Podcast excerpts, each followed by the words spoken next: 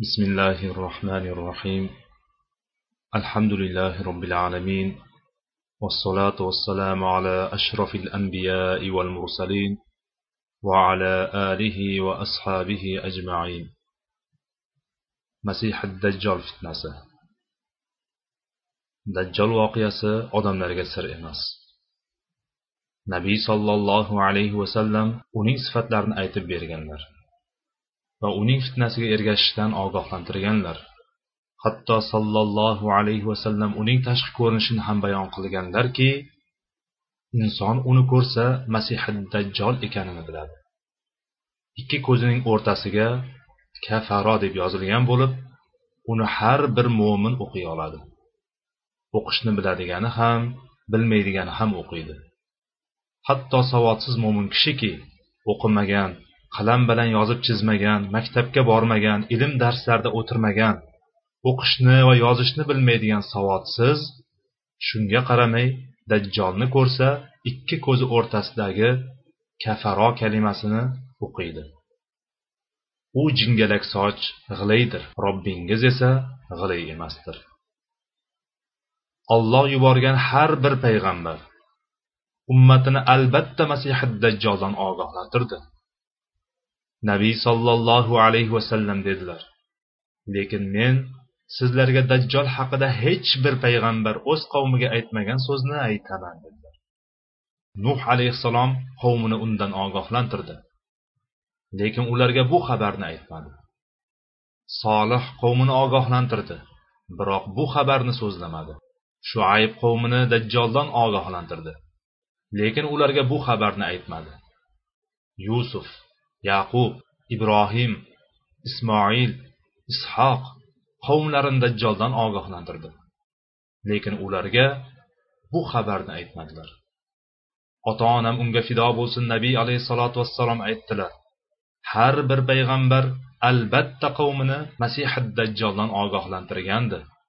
Lekin men sizlarga dajjol haqida hech bir payg'ambar o'z qavmiga aytmagan so'zni aytaman.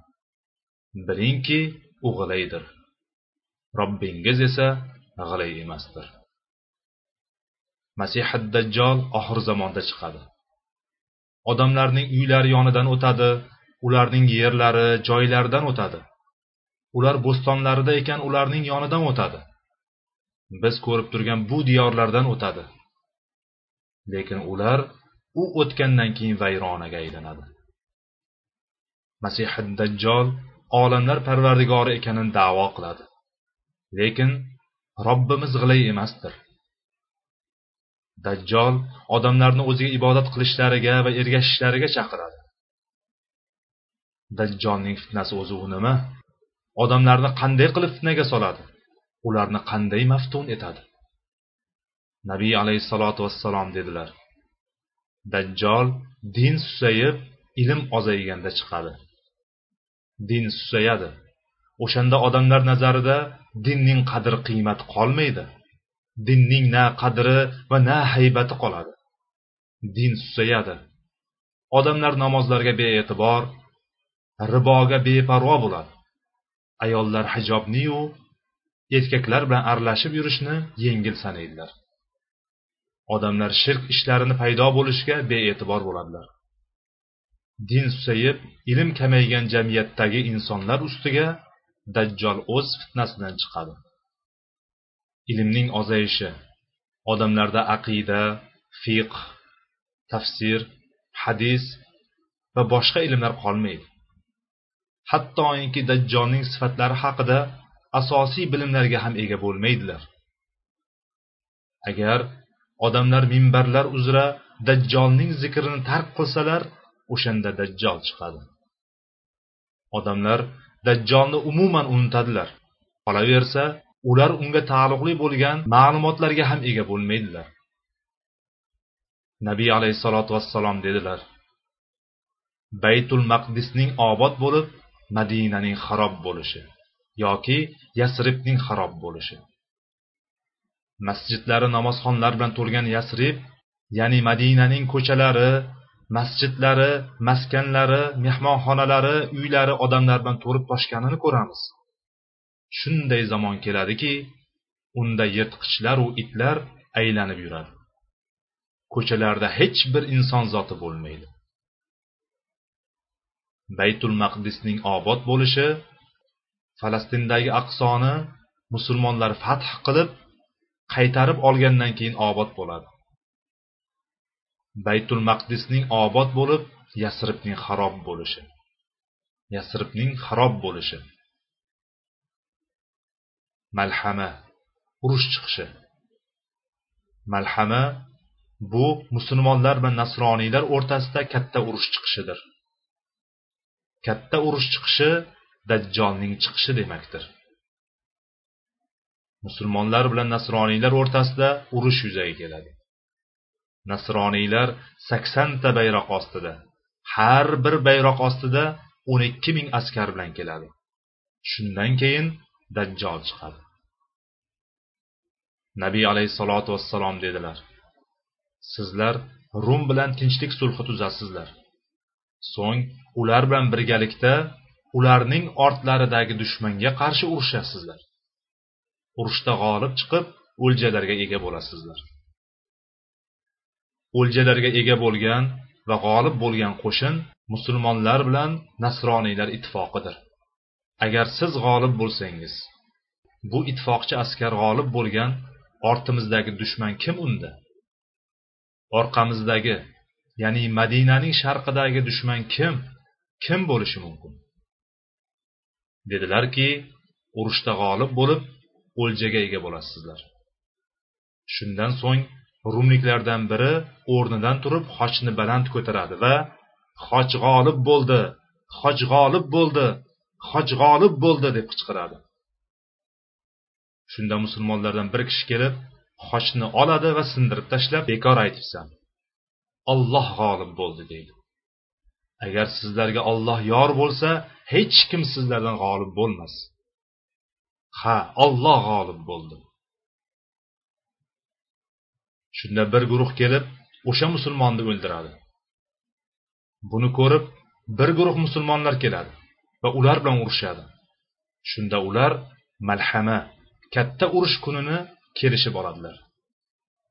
Ular saksonta bayroq ostida keladigan jangga kelishadilar. Bu saksonta davlat bo'lishi yoki saksonta qo'shin bo'lishi ham mumkin. Ular musulmonlar bilan urushadilar. Musulmonlar g'olib bo'ladilar. Shundan keyin dajjol chiqadi. Nabiy alayhissalotu vassalom dedilar malhama chiqishi ya'ni katta urush bo'lishi qustantiniyaning fath qilinishidir. Qustantiniyaning fathi esa dajjol chiqishi demakdir. Alayhissalotu vassalom dedilar rumliklar amoqqa keladi yoki dobiqqa ya'ni suriyaning shimoliga kelib tushadi. Rum yevropadan keladi va janubga tomon musulmon o'lkalar arab o'lkalariga qarab yurib kelaveradi. Rum suriyaning shimolidagi dobiq yayloviga qadar tushib keladi. Va aytdilarki shahardan bir toifa ularga qarshi chiqib keladi yoki shahardan bir qo'shin chiqib keladi dedilar. Ya'ni damashq shahridan chiqadilar. Ular o'shanda yer yuzidagi eng yaxshi insonlar hisoblanadilar. Dedilarki urushadilar guruhlardan uchdan biri ortga chekinadi ya'ni musulmon askardan uchdan biri ortga chekinadi. Alloh ularning tavbalarini aslo qabul qilmaydi. Yana uchdan biri shahid bo'lishadi. Ular allohning huzurida shahidlarning eng afzallaridir. Va alloh uchdan biriga fath qilishni nasib qiladi. Dedilar. Keyin qustantiniyani fath qiladilar. Shimolga qarab yuradilar va istanbulni fath qiladilar. Keyin g'animatlarni taqsimlayotganlarida qilichlarini zaytun daraxtiga osib qo'yishadi. Qurollarni osib qo'yishadi demadilar. Yo'q balki qilichlarni osishadi dedilar.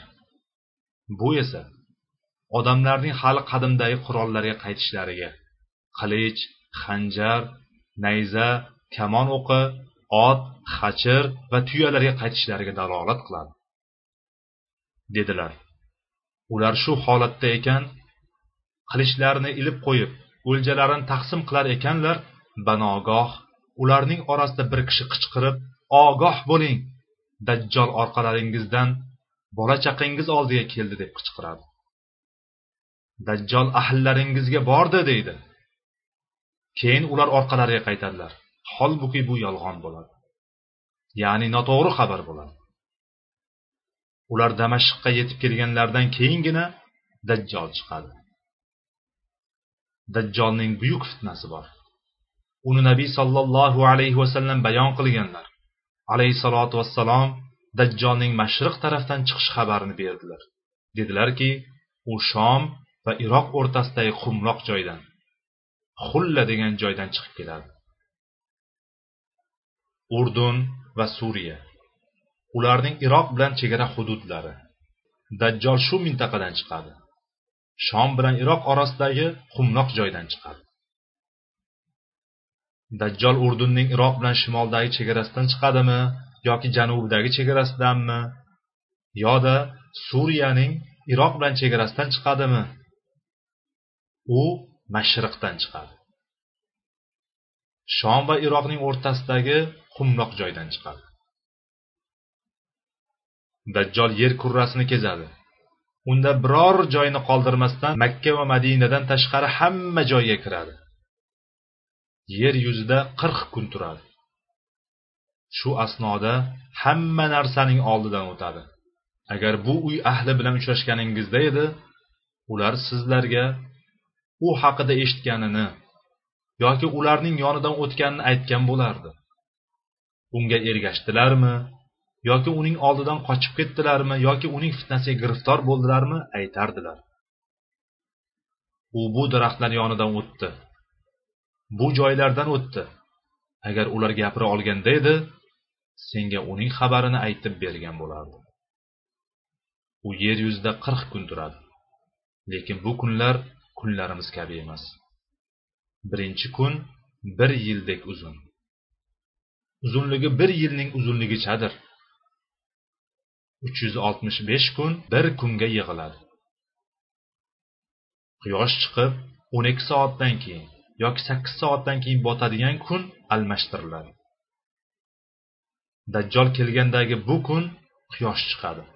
Keyin uning sayr qilishi juda juda sekinlab ketadi. Biroz vaqt o'tib ozgina masofani ham bosib o'tmaydi. Yo'q hatto umuman harakat qilmayotganga o'xshaydi. Yigirma to'rt soat o'tadi. Quyosh esa harakatda. Keyin yana yigirma to'rt soat o'tadi. U esa hamon yo'lda. So'ngra yigirma to'rt soat o'tadi. U esa tush paytiga yetmagan hali kunning yarmiga ham kelmagan bo'ladi. Quyosh mashriqidan mag'ribiga borguniga qadar uch yuz oltmish besh kun kerak bo'ladi. Yigirma to'rtni uch yuz oltmish beshga ko'paytiring. Sahobalar so'radilar yo rasululloh bir yildek bo'lgan bu kunda bir kunlik namoz yetadimi? Ularning namozga e'tiborlari uni ulug'lashlari qalblarining unga bog'liqligi bunchalar buyuk bo'lmasa. Ular ey ollohning rasuli quyoshning rangi qanday bo'ladi? Yer qanaqa ahvolda? Necha soatga cho'ziladi? O'sha kun issiq bo'ladimi yoki sovuq demadilar aslo. Balki o'zlari uchun eng muhim bo'lgan narsani so'radilar. Ular rasululloh alayhissalotu vassalomga quloq solib o'tirardilar. Uni butun vujudlari bilan xuddi jismlari quloqqa aylanib qolgandek tinglar edilar. Dedilarki ey rasululloh quyosh chiqib botishi orasi uch yuz oltmish besh kun ya'ni to'liq bir yil bo'ladigan kunda bir kunlik namoz bizga kifoya qiladimi? Ya'ni peshin namozini o'qib so'ngra to'rt oy yoki besh oy kutib shundan keyingina asr namozini o'qiylikmi deb so'radilar. Shunda nabiy alayhissalotu vassalom yo'q yo'q. O'sha kunning miqdorini o'zingiz hisob qilinglar. O'sha kunning miqdorini o'zingiz belgilanglar degani vaqt tayin qilinglar va kutinglar. Peshin namozining azoni va vaqti bo'lsa peshinni o'qinglar. Keyin biroz vaqt o'tib odatiy kunlardagi peshinning asli vaqti kirdi deb o'ylasangiz namoz o'qinglar. Sahobalarning buyukligi va ulug'ligiga qarang. Ularning qalblari namozlariga bog'langan edi. Albatta u ya'ni namoz o'qish xoshay bandalardan boshqasiga og'ir ishdir. Agar qalbi namozga bog'langan kishini ko'rsang bilginki olloh uni yaxshi ko'radi. Nabiy alayhissalotu vassalom dajjol haqida dedilar. U yer yuzida qirq kun turadi. Birinchi kuni bir yil kabi. Ikkinchi kuni esa bir oydek. Uchinchi kuni esa bir jumadek bo'ladi. Bu uzun uch kun ekan. Yaxshi. Qirq kundan qolganlari qanday bo'ladi yo rasululloh? Qolgan kunlari esa o'zlaringizning kunlaringizdek bo'ladi dedilar. Birinchi kuni bir yil kabi. Ikkinchi kuni esa bir oydek. Uchinchi kuni esa bir jumadek ya'ni bir haftadek bo'ladi. Bu uchinchi kuni yigirma to'rt soatlik kun kabi bo'lmaydi balki o'sha yigirma to'rt soatni yettiga ko'paytiring. Qolgan kunlar qolgan o'ttiz yetti kun qolgan kunlari esa o'zingizning kunlaringizdek bo'ladi dedilar. Dajjol yer yuzida o'ngda so'lda buzg'unchilikda mukkasidan ketadi. Yerning hamma joyiga kiradi. Shaharlardan o'tadi sahrolardan orollaridan tog'laridan va vodiylaridan o'tadi. Yer yuzida bir qarich joy ham qoldirmay undan o'tadi. Tekislab vayron qilib ketadi. Ularni o'ziga ibodat qilishlariga chaqiradi. Dajjoldan oldin dajjol chiqishidan oldin nabiy alayhissalotu vassalom bizga xabar berdilar. Dajjol chiqishidan oldin uch yil qahatchilik bo'lib o'tadi. Birinchi yili alloh taolo yerga buyuradi. Hosilini uchdan birini ushlab qoladi. Alloh osmonga buyuradi. Yomg'irini uchdan birini ushlab qoladi. Ya'ni yer egasi har yili oladigan bug'doy yoki arpadan uch yuz kilogramm hosilni emas o'sha yili olloh uchdan birini ushlab qol deb buyurganda yer faqat ikki yuz kilogramminigina chiqaradi. Nabiy alayhissalotu vassalom dedilar so'ngra keyingi yili Alloh yerga o'simligining uchdan ikkisini ushlab qolishini osmonga yomg'irining uchdan ikkisini ushlab qolishini buyuradi. Uchinchi yili kelganda Alloh yerga hamma o'simligini ushlab qolishini buyuradi. Osmonga ham hamma yomg'irni ushlab qolishini buyuradi. Bironta hayvon ham qolmay halok bo'ladi. Bironta soyasi bor narsa qolmay nobud bo'ladi. Yam yashil ko'rkam sersoya unda qushlaru hayvonlar o'tlab yurgan odamlar gohida uning mevasidan yeb gohida yaproqlardan foydalanib turgan daraxtlardan keyin uni quriganini unda faqat qaqshagan novdalarnigina ko'rasan kishi. Nabiy alayhissalotu vassalom dedilarki soyasi bor narsa qolmay nobud bo'ladi. Bular dajjol chiqishidan oldin yuz beradi. Sahobalar so'radilar odamlar o'shanda nimani hisobiga yashaydilar? Odamlar qanday kun kechiradi? Na daraxtning barigi va na meva cheva va na hayvonlar bo'lgan kunda qanday yashaydilar? Odamlar o'shanda nimani hisobiga yashaydilar? Tahlil takbir tasbih hisobiga dedilar. Mo'min kishining Allohni ko'p zikr qilishi evaziga alloh taolo uning badaniga quvvat beradi chidaydi. Dajjol mashriq tarafdan chiqadi. Odamlarni o'ziga ibodat qilishlariga mudom buyuradi. Odamlardan unga fitnalanganlari u bilan yuzma yuz kelganlari undan qochib ketganlari unga qarshi urushga jamlanganlari va nayzasini unga sanchganlari bo'ladi.